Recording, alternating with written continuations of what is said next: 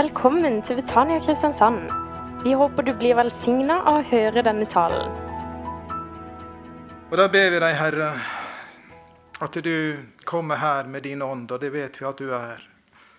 Og vi ber om at du gjør oss stille i vårt indre, et åpent sinn og et åpent hjerte.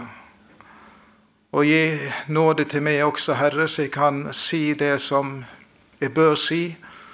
Og legg du din gode Hellige Ånd til å virke mellom oss, Herre, slik som du vil i kveld. I Jesu navn. Amen. Åndelighet og kropp er det vi skal si litt om i kveld. Og når dere har lest igjennom Mange av dere er jo bibelsprengte. Så, eh, men når dere leser gjennom brevene, så ser dere jo at brevene har jo forskjellig innhold og struktur, alle sammen. Og Jeg nevnte det vel kanskje før, vi kunne jo ønske at Paulus lagde et manifest på hele den kristne tro, så vi slapp liksom å, å, å lure. Kunne han skrive om alt sammen, og så hadde vi det eh, liksom sånn i ett. Men her har han altså skrevet brev til de forskjellige menighetene. Og det, Når han skriver på forskjellig vis, sånn som han gjør, så er jo det fordi at eh, menighetene har forskjellige behov. Han, eh, han opplever at eh, ja, det er rett og slett forskjellige behov som han prøver å møte gjennom det han skriver. Og Derfor er det jo slik at når vi leser Korintiabrevet, så kan vi jo si at uh, hvorfor har han skrevet så mye om oppstandelsen? Jo, det var fordi at det var noen som fornekta at det var en oppstandelse. Hvorfor har han skrevet så mye om nadværen og Herrens måltid? Jo, det har han gjort fordi at det var noen som misbrukte nadværen. Han skriver om at noen av dere sitter jo og spiser seg mette og nyter det der, mens andre sitter og har ikke mat. Altså Det var det forskjellen på fattig og rik. Og Så sier han endog noen sitter og eter og drikker og drikker seg fulle mens andre ikke har noe. Altså, Så det var en, en, en utskeielse i, i, forhold til nadværen. Og Derfor skriver han om nadværen og veileder dem om det. Hvorfor skriver han om nådegavene? Jo, det er fordi at det er helt tydelig det var en, en skeivhet når det gjaldt oppfattelsen av nådegavene. Det var en konkurranseinnstilling når det gjaldt eh, spesielt karismatiske gaver. og sånn. Det er helt tydelig, og så må han skrive om det og irettesette det. Og så må han skrive om kroppen. Fordi det var spesielle forhold som gjorde at de levde på en måte som var utilbørlig. Men eh, først av alt, når vi leser Korinterbrevet Og det var derfor vi begynte med, med de første ni versene. Jesus Kristus. Han brukte ni vers, og alle gangene så brukte han uttrykket Kristus Jesus eller Jesus Kristus. Og så fortsetter han med korset. Og det var fordi at Paulus sier om seg sjøl han la grunnvollen som en vis byggmester. Og Skal du legge grunnvollen, så må du begynne med det fundamentale. Og Det som lå på Paulus sitt hjerte, det var å vende menneskene imot Jesus. At de måtte få se hva han hadde gjort. Se hva han hadde kjøpt dem til å være. Se hvilken kjærlighet som ble utøst eller som viste seg på korset, se hvordan Gud elsker de alle sammen. Og Det er det fundamentale. Hvis ikke vi har blikket festa på Jesus, så kan vi havne i trelldom og utskeielse på forskjellige vis. Men når blikket vi er vendt imot Jesus, så er det, det er noe av det fundamentale. Og da vil mange av de andre ting kunne løse seg etter hvert. Jeg holder på med møte borte i Stavanger også nå. Jeg skal bort i morgen. Vi skal ha bibelkveld der òg. Men eh, på søndag formiddag så var vi fri, og så var vi i Immikirka. Det var veldig, veldig, fint. De hadde en spesiell eh, tema de, de, holdt på med, så han talte spesifikt om homofili. Det var jo litt spesielt. Det var mange hundre til stede der. Men så, så han, hadde han en veldig fin illustrasjon. Han, eh, han viste på storskjermen sirkler. Det ene sirkelen utenpå den andre. Og så sto folk i forskjellige eh, steder på disse sirklene. Noen sto langt ute, noen sto nærmere osv. Og, så og så sto Jesus i sentrum. Og så sa han også så fint Det som er det viktige Vi kan stå, vi kan være langt ute i periferien eller nærme. Men det som er viktig, det er at vi er vendt den riktige veien. At vi er vendt imot sentrum, vendt imot Jesus. For da vil mange av disse problemene som man kan ha, de vil løse seg. Når vi ser hva Jesus er, hva han betyr for oss, hva han har gjort for oss, så vil det bevege våre hjerter. Og Det var det også Paulus gjorde her, og så kommer han med veiledningen etterpå. Han har malt Kristus korsfestet for dem. Hvorfor bruker han så mye tid på kroppen? Ja, vi skal lese. Men først av alt så Det var jo slik, det var mange visdomslærere som farta rundt i området der rundt Korint og de andre menighetene. Og Noen av de, de, sentrale eller de fremtredende det var de som hevda eller var gnostisismen. Og gnostisismen hadde en, en, hovedbudskap, om vi skal si det sånn. Og det var at eh, sjelen, den er god. Kroppen, eller materien, all materie, den er ond. Sjelen er god, kroppen, materien, den er ond. Og Det fikk veldige konsekvenser, som de, de, eh, de snakka om, og som influerte menigheten. De sa bl.a.: Hvis Gud er ånd, og Gud er god, så kan ikke Han ha skapt verden. For den som er god, kan ikke skape det som er ondt, materien. Og Derfor så sier Paulus også i, i kapittel 8 så, så, presiserer han at Gud er skaper.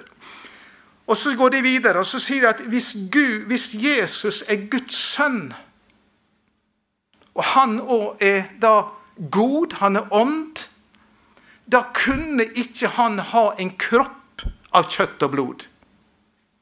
Så når han gikk på jorda, og hvis han var Gud, så kunne han ikke sette av fotavtrykk. For kroppen hans var bare en åndelig værelse med menneskelig skikkelse. Men han var ikke kjøtt og blod. Han var ikke sant menneske. Og det tredje, som fikk store konsekvenser også, det var hvis materien er ond, og kroppen er ond, egentlig. Det er bare sjelen som er god, og som får kontakt med, med guddommen, og som kan bevege seg i det guddommelige. Hvis kroppen er ond, da slo det ut i to forskjellige retninger for det meste. Det ene var at da måtte man øve en streng askese mot kroppen. Man måtte undertrykke alle kroppens behov slik at sjelen på en måte ble fri mer ifra kroppen.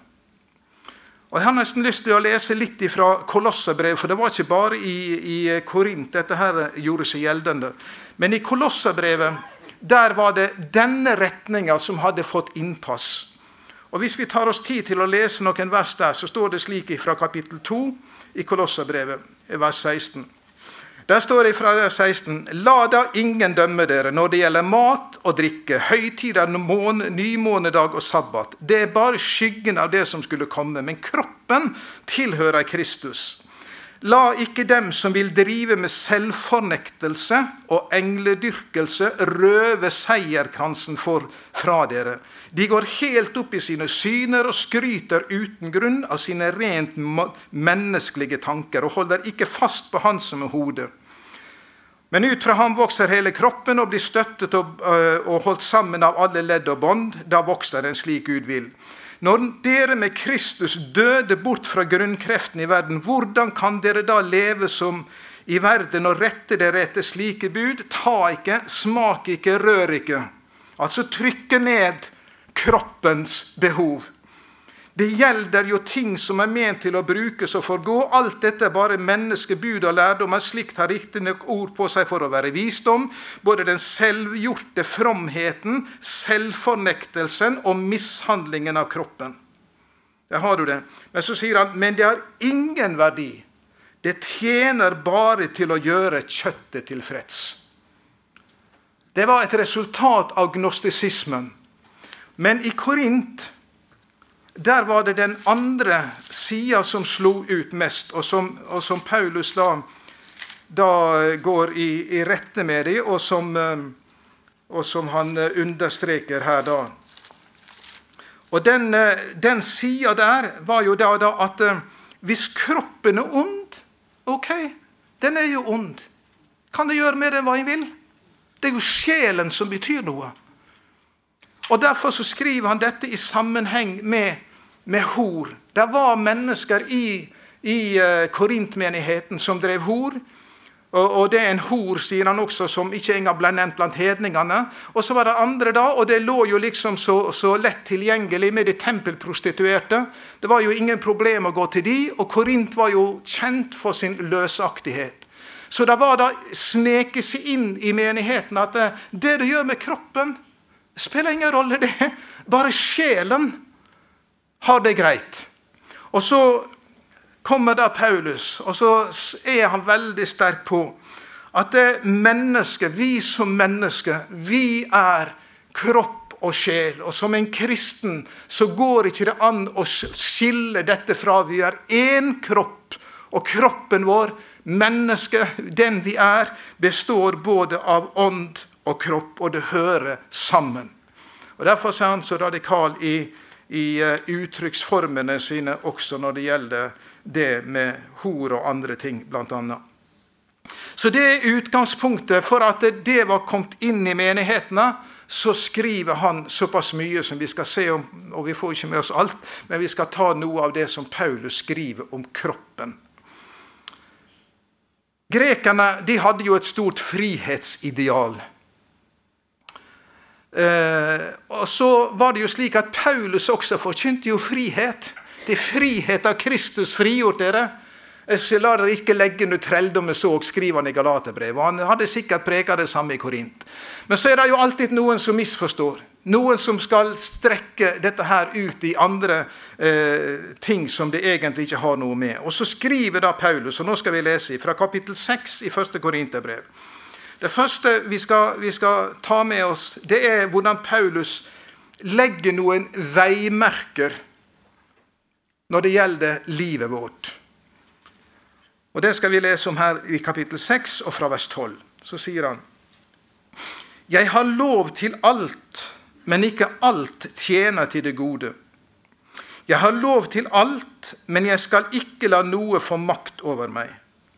Maten er for magen, og magen for maten. Men, kropp, men Gud skal gjøre slutt på dem begge. Kroppen er ikke til for hor, den er for Herren. Og Herren er for kroppen. Gud reiste opp Herren. Ved sin kraft skal han også reise oss opp. Vet dere ikke at kroppene deres er Kristi lemmer? Skal jeg da ta Kristi lemmer og gjøre dem til en hores lemmer? Det må ikke skje. Eller vet dere ikke at når noen holder seg til en hore, blir de én kropp? For det står de to skal være én kropp. Men den som holder seg til Kristus, blir én ånd med ham. Hold dere langt borte fra hor. All synd som et menneske gjør, er utenfor kroppen, men den som driver hor, synder mot sin egen kropp. Vet dere ikke at kroppen deres er et tempel for Den hellige ånd som bor i dere, og som er fra Gud? Dere tilhører ikke lenger dere selv, dere er kjøpt og prisen betalt. Bruk da kroppen til Guds ære. Paulus han skriver her, som vi leste, 'Jeg har lov til alt'. Og Jeg nevnte det vel kanskje i en av de forrige gangene. At eh, det kan godt hende at dette er et sitat av det som korinterne har skrevet til ham. For det var jo slik Paulus skriver ut ifra det han har hørt.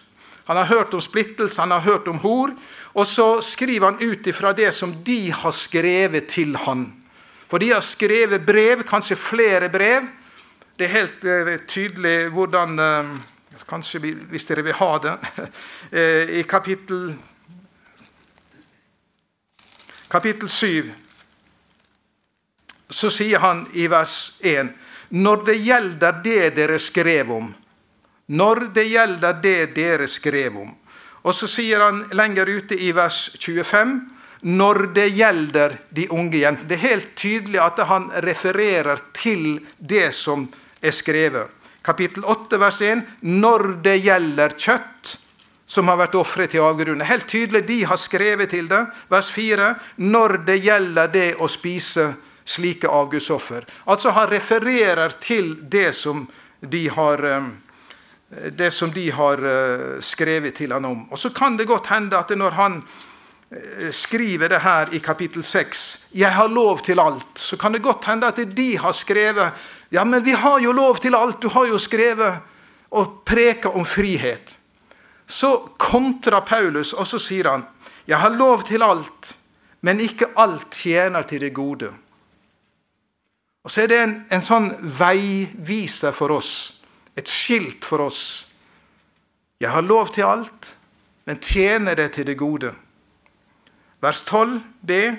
Jeg har lov til alt, men jeg skal ikke la noe få makt over meg. Og Det er noe å teste seg sjøl på. Er det noe som vil legge makt over oss, og som binder oss, har makt over oss? Så sier Paulus jeg har lov til alt, men ikke la noe få makt over meg. Går vi til kapittel 10, så har han noe av det samme fra vers 24. Så sier han eh, Han sier jo først i vers 23 jeg har lov til alt, men ikke alt tjener til det gode. Han gjentar seg sjøl. Og så sier han jeg har lov til alt, men ikke alt bygger opp. skal vi teste oss sjøl på. Bygger det opp, det jeg holder på med? Jeg har lov til alt, men ikke alt bygger opp. Og i vers 24 videre Ingen må søke sitt eget beste, men den andres beste. Jeg har lov til alt, men tjener det min nestes beste? Eller er det bare meg sjøl?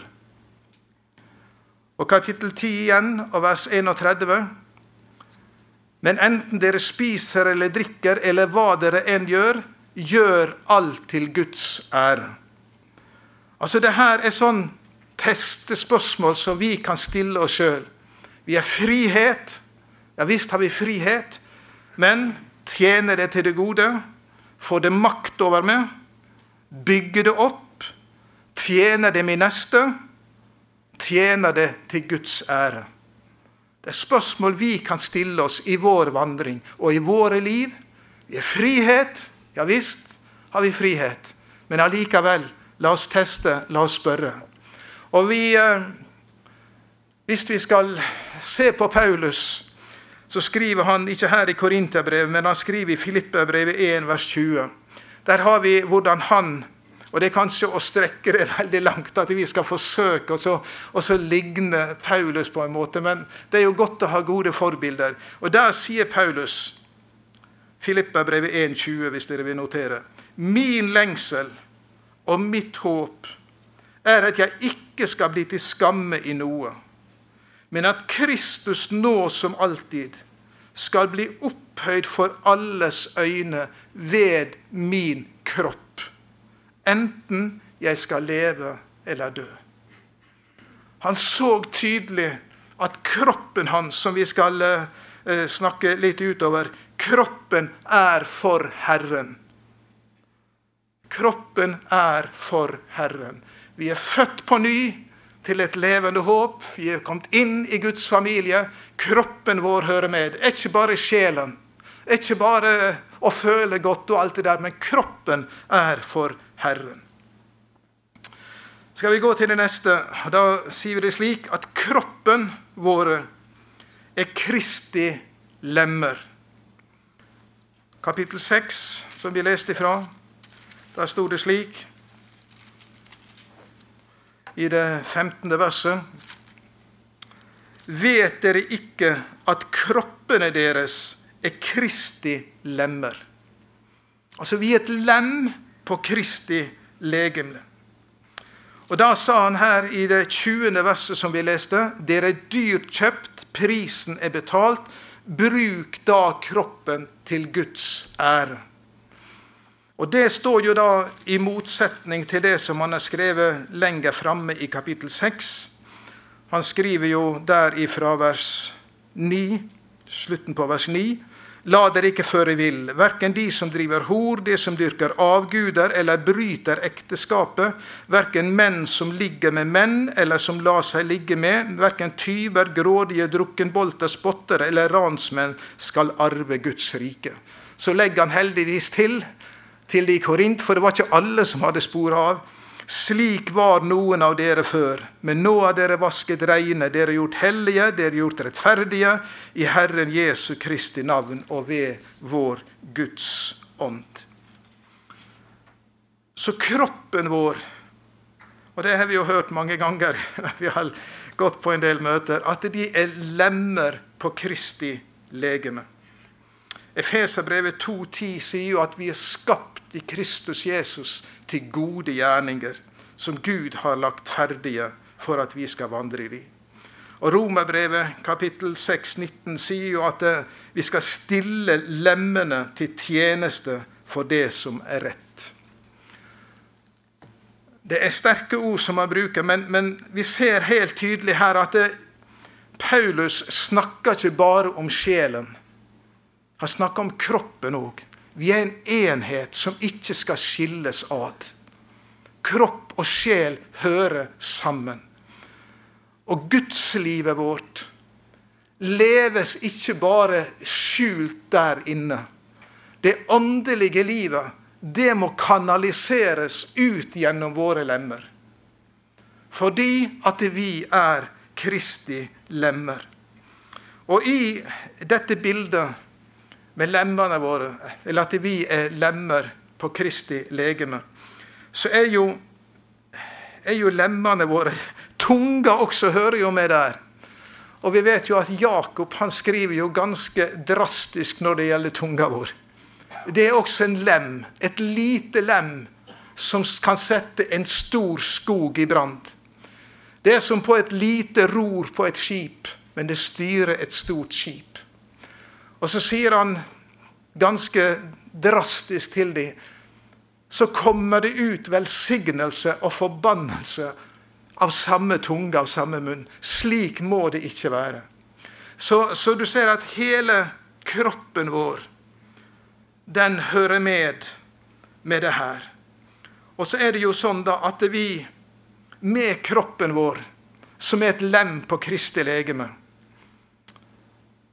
så har vi forskjellige tjenester. Og han, eh, Hvis vi går da til det tolvte kapittelet, det er jo dette her nådegavekapitlet. nådegavekapittelet, men, men det snakker ikke bare om nådegave, det snakker om at vi er lem på, på Kristi legeme. Og Der står det i kapittel, 5, nei, kapittel 12 om frelse. Så sier han i vers 5 det er forskjellige tjenester, men Herren er den samme. Og så skriver han jo utover hvordan lemmer på Kristi legeme. Det er forskjellige lemmer. Akkurat som med kroppen. Den består ikke av ett lem, men den består av mange. Og vi er da forskjellige lemmer på Kristi legeme. Og vi har forskjellige tjenester.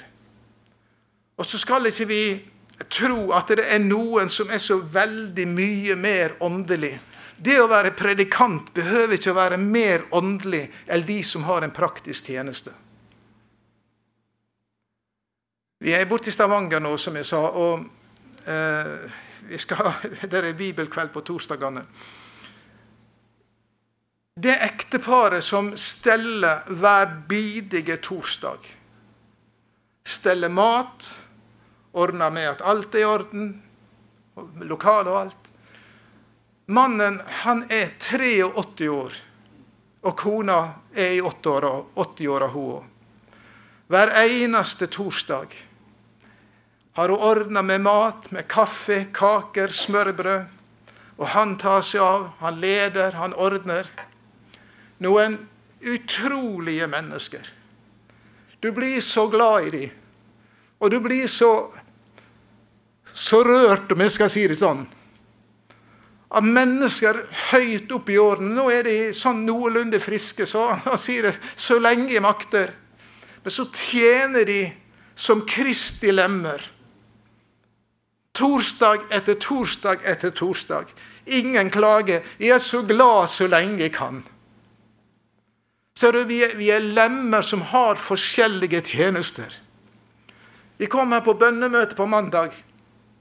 og Vi var en fin gjeng. Jeg tror det var 17 stykker. Og det er godt å komme sammen på, med bønn. Så gikk det to kvinner der ute og pynta til påske. Ja, er det ene bedre enn det andre? Selvfølgelig. Vi skal både be og, og arbeide, og vi skal arbeide og be. Men, men altså, det der er forskjellige tjenester. Og hvem er vi da som skal sette opp én, to, og tre, og fire og fem? Og så er vi, vi fleste syns vi er langt der nede. Nei, når, når åndeligheten får lov til å bli kanalisert ut gjennom våre lemmer Vi vet vi er lemmer på Kristi kropp. Og derfor vil vi tjene med glede i de tjenester som Gud legger foran oss for at vi skal vandre i dem. Det var jo det som Paulus allerede skriver om i Efeserbrevet, når han skriver at av nåde vi frelst ved tro osv. Så, videre. så sier han jo der i kapittel 2 at, at vi, vi, eh, vi, er skapt i Kristus Jesus til gode gjerninger, som Gud på forhånd har lagt ferdige for at vi skal vandre i de. Så åndeligheten, den må kanaliseres ut gjennom kroppen. Vi er ikke kalt til å sitte bare og, og, og, og nyte vår egen åndelighet. Det er ikke det. Paulus i, i Romerbrevet 12, som vi kjenner til, så snakker han jo om vi skal fremstille vårt legeme. Det er vår åndelige gudstjeneste. Å fremstille kroppen sin til tjeneste for Gud. Det er vår åndelige gudstjeneste. Ja, men er ikke det mer? Og så kanskje være i et salig møte og, og, og, og, kjenne salvelse og alt det der. Jo, det er bra, det. Men, men den gudstjenesten som, som uh, betyr mye, det er ikke hva jeg personlig opplever og bare, bare uh, liksom sylter ned i mitt eget liv. Men gudstjenesten min skal være at åndeligheten min den skal ut.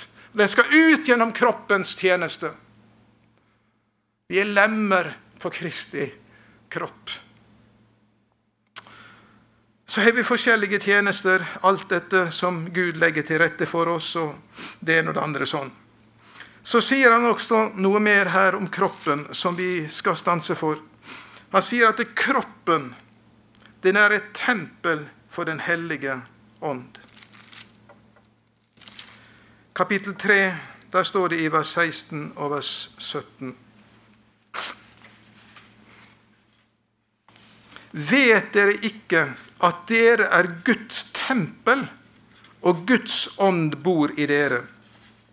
Dersom noen ødelegger Guds tempel, skal Gud ødelegge ham.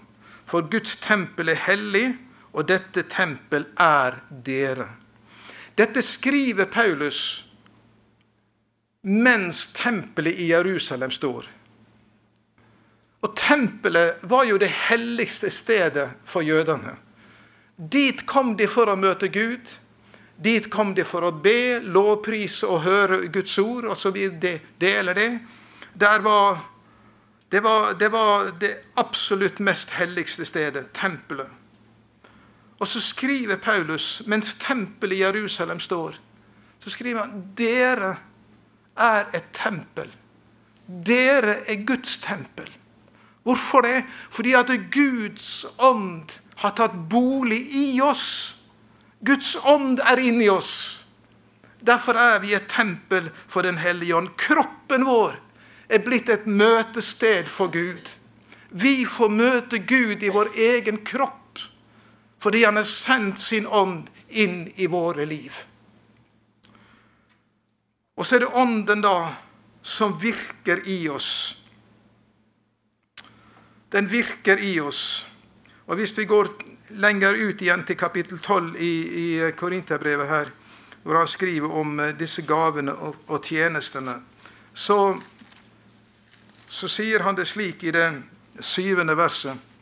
Hos hver enkelt gir Ånden seg til kjenne slik at det tjener til det gode. Altså Ånden gir seg til kjenne i våre liv, slik at det tjener til det gode. Ikke en, en egen nytelse, bare. Og vi kjenner 'Å, det var så salig. Å, det var så godt.' Og det er jo bra, det. Men, men det skulle bli noe med det. skulle gi seg til kjenne slik at det, det, tjente til det gode. Og hvis det skal tjene til det gode, så, så må det ut i et fellesskap, ut i en virkelighet og vi skal ikke være selvopptatte med vår egen åndelighet og isolere oss i det, men det skal ut i et fellesskap, det skal ut, ut i en omgivelse hvor vi kan få lov til å være til glede og til gavn for Guds rike. Kroppen vår, det er den Den hellige ånd vil virke igjennom. Menigheten er også Kristi kropp og si litt om det. Kapittel 12, så sier han her ifra vers 12. Slik kroppen er én, selv om den har mange lemmer, og alle lemmene utgjør én kropp, enda de er mange. Slik er det også med Kristus. For med én ånd blir vi alle døpt til å være én kropp, enten vi er jøder eller grekere, slaver eller frie. Og alle fikk vi én ånd å drikke. For kroppen består ikke av én kroppsdel, men av mange. Og så kommer da hvis eh, hånden, om den sier at jeg ikke hører med til kroppen, så er den like fullt en del av det. Altså Det her han snakker om her, det er en motsats til privat åndelighet. Privat åndelighet. Der er jo de som aldri finner en menighet som er god nok. Alltid er det noe som, som, ikke er som det skal være. Og det, Vi er jo mennesker, så det, man finner jo ikke en fullkommen menighet. Man gjør ikke det. Men så er det noen da som trekker seg tilbake og så sier man, ja, men jeg tilhører den universale menighet. Ja, det er sant. Det gjør vi jo alle. Men Paulus snakker her om en lokal tilhørighet. Og hvor vi i et lokalt menighetsfellesskap skal utføre eller skal få være det som Gud har satt oss til å være. Et lem på Kristi kropp og menigheten som en Kristi kropp. Og menigheten består ikke av ett lem, men av mange. Og der har du det igjen, denne her, at vi, vi er med på den måten som Gud har lagt på oss. Og, og, og lagt foran den enkelte. Noen kan synge, og noen kan spille, og noen er flinke å vaske, og noen er flinke å stelle mat, og noen er det ene og det andre. Men, men, Gud ville at vi skulle stille oss til tjeneste og la åndeligheten min få lov til å strømme ut gjennom kroppen. Menighetskroppen også, som er Kristi kropp i verden. Jeg skal ikke si mer om det. Uh, ja Jo, jeg vil si litt til. Vers 27. Dere er Kristi kropp, og hver av dere er et lem på ham. Og Nå snakker han om menigheten. I kirken, eller menigheten om du vil, har Gud for det første satt noen til apostler, for det andre profeter, for det tredje lærere, deretter mektige gjerninger, nådegave til å helbrede, til å hjelpe, til å lede og ulike slags tungetale. Er vel alle apostler, er alle profeter, er alle lærere, gjør alle under, har alle nådegave til å helbrede, taler alle i tunger, kan alle tyde tungetale, men vær ivrige etter å få de største nådegavene.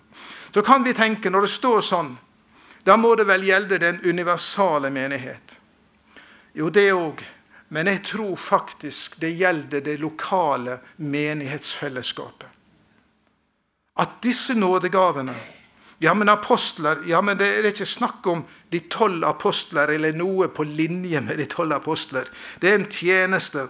Eh, og Det samme er jo mot profeter. Det er jo ikke det, de samme eh, gammeltestamentlige profetene.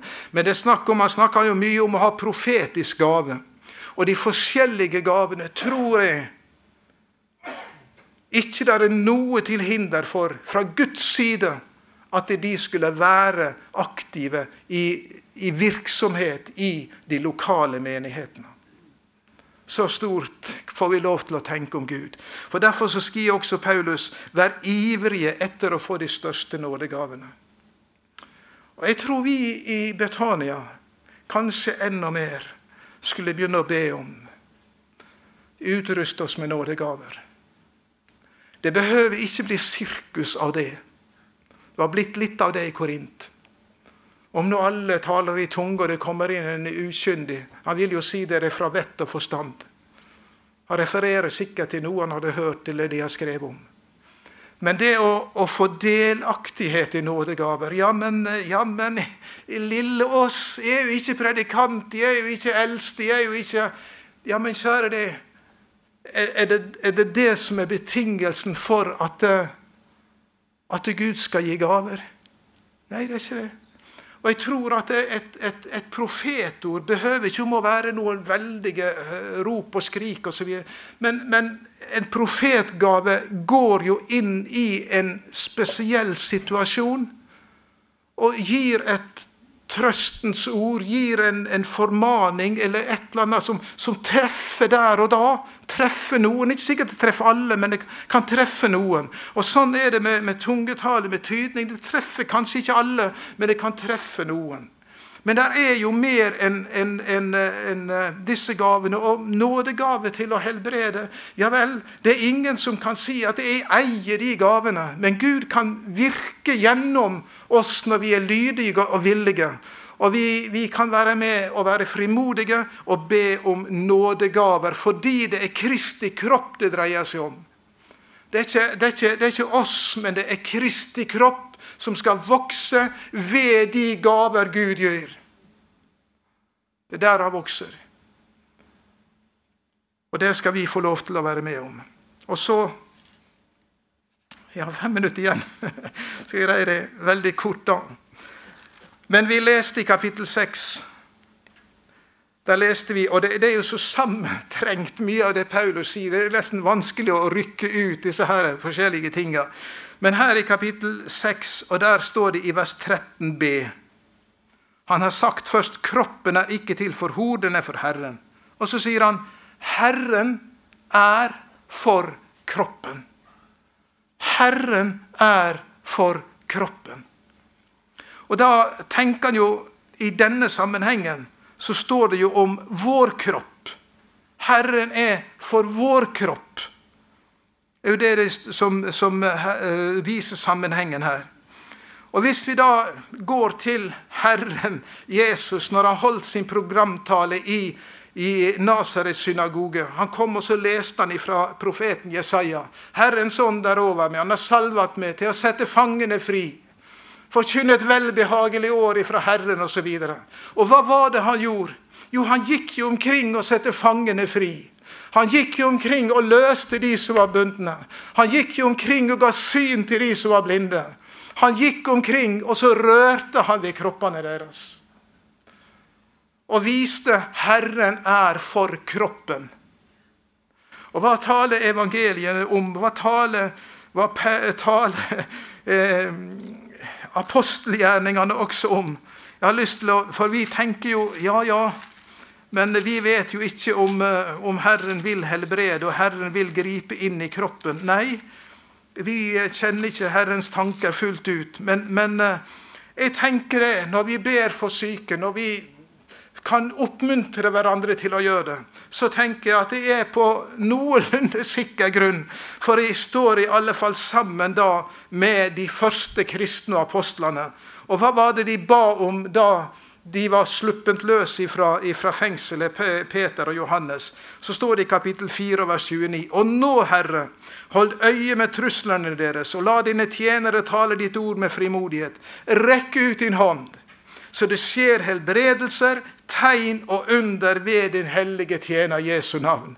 Helbredelse aldri tenkt som reklameplakat for predikanter. Er ikke det? Helbredelse tenkt for å ære Gud. Og Når vi har det utgangspunktet, så skal vi være frimodige og be for de syke. Be for skrøpeligheter og. Så sånn. Jeg refererte vi til på Imi-kirka eh, på, på søndag formiddag. De fast, fast eh, de har eh, helbredelsesrom hvor, hvor, folk kan komme og, igjen og igjen og, og, og, be for syke. Og de ber for syke i møtene. Ikke noe styr, ikke noe, ikke noe hoisting og noe roping og skriking, og, sånn, men, men man ber. Man ber, og så får man lov til å oppleve at Gud griper inn i smått og i stort. Vi vet jo alle sammen hva Jakob sier, at et rettferdig menneskes bønn. Og vi må tro på det. Vi må praktisere det, ellers så får vi jo ikke se det. Men hvis vi praktiserer det, så får vi se det. At et rettferdig menneskes bønn har stor kraft i sin virkning. Og så refererer han til Elias, som var et menneske under samme kår som vi. Så vi skal være frimodige, også vi som sitter her i Betania i kveld. Være med og, og, og be for syke være med og be om at Gud rekker ut sin arm til helbredelse, til tegn og til undergjerninger. Styrke våre kropper. Ja, men Vi vet jo ikke hvem som blir friske. Men vi kan be i alle fall, og så overlate saken til Gud. Det er han som må gjøre det. Det er han som må gjøre det. Og vi vet jo alle sammen vi vet jo alle sammen, Når vi har passert 70 år, så blir ikke vi helbreda så vi blir 20-åringer. Vi blir jo ikke det. Men det er jo klart vi kan få oppleve at Gud griper inn i kroppen vår likevel. Men vi blir ikke 20-åringer. Nei, for det ytre, det går jo til grunne. Det taler jo Paulus om tydelig i, i 2. Eh, Korintiabrev. Vårt ytre menneske går til grunne. Og I kapittel 15 så eh, omtaler han kroppen som svak og forgjengelig. Den er det. Men likevel har jeg lyst til å si kroppen vår er god. Kroppen vår er skapt av Gud. Om vi har rynker, om vi har skavanker, om vi har, har verkende bein og armer, eller hva det måtte være kroppen vår er god. Da igjen det var et foster forma du meg. Da så dine øyne meg. Vi skapte Guds bilde. Kroppen er god. Kroppen er et tempel for Den hellige ånd. Kroppen er et lem på Kristi legeme. Derfor skal vi stelle vel med kroppen. Og Derfor kan vi også stille, stille disse testspørsmåla som vi stilte i begynnelsen. Jeg har lov til alt. Ja vel. Tjener det til det gode? Bygger det opp? Tjener det min neste? Gir det Gud ære? Og helt til slutt jeg skal ikke si noe om, jeg skal bare lese. Kroppen vår er frøet som en dag skal stå opp.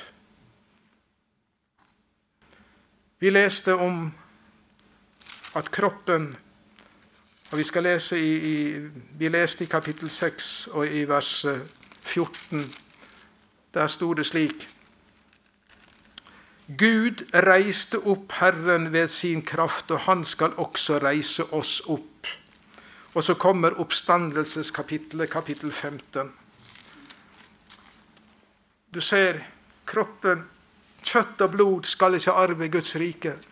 Men vi tror på kroppens oppstandelse. Vi tror på legemets oppstandelse. Det kommer en oppstandelsesdag, venner. Og hør hva det står. Slik det første jordiske mennesket var, slik er også det jordiske.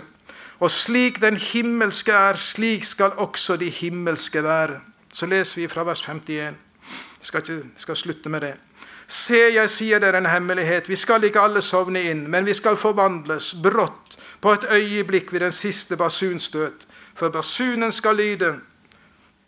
De døde i Kristus skal stå opp i uforgjengelighet og vi skal bli forvandlet. For dette forgjengelige må bli ikledd uforgjengelighet, og det dødelige må bli kledd i udødelighet. Og når dette forgjengelige er kledd i uforgjengelighet, og dette dødelige er kledd i udødelighet, da oppfylles det som står skrevet. Døden er oppslukt, seieren vunnet.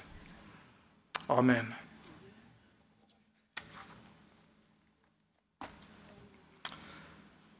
Takker deg, Herre for at du er her med din ånd.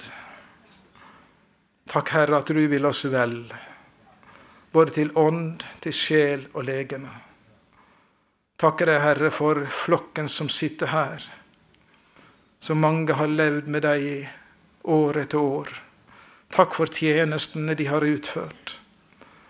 Takk for uh, villigheten til å tjene. Takk for det de har vært, Herre. For mennesker i byen her, i menigheten her, for familie. Og ber deg, Herre. Herre, salv oss på ny. Herre, vi ber, kom et åndens vær over oss. For vi ser det er så mye å strekke seg etter. Det er så mye mer land å innta. Det er så mye mer å oppleve i, i samfunnet med deg som kan kanaliseres ut til våre medmennesker. Herre, vi ber. Og vi, vi ber med sangeren. Jeg trenger deg, Helige Ande, for å møte en ny morgendag. Og Vi trenger det, og vi ber, fyll oss, Herre, igjen og igjen. I Jesu navn. Amen. Du har nå hørt en tale fra Betania Kristiansand. For mer informasjon kan du besøke våre hjemmesider på betaniakrs.no.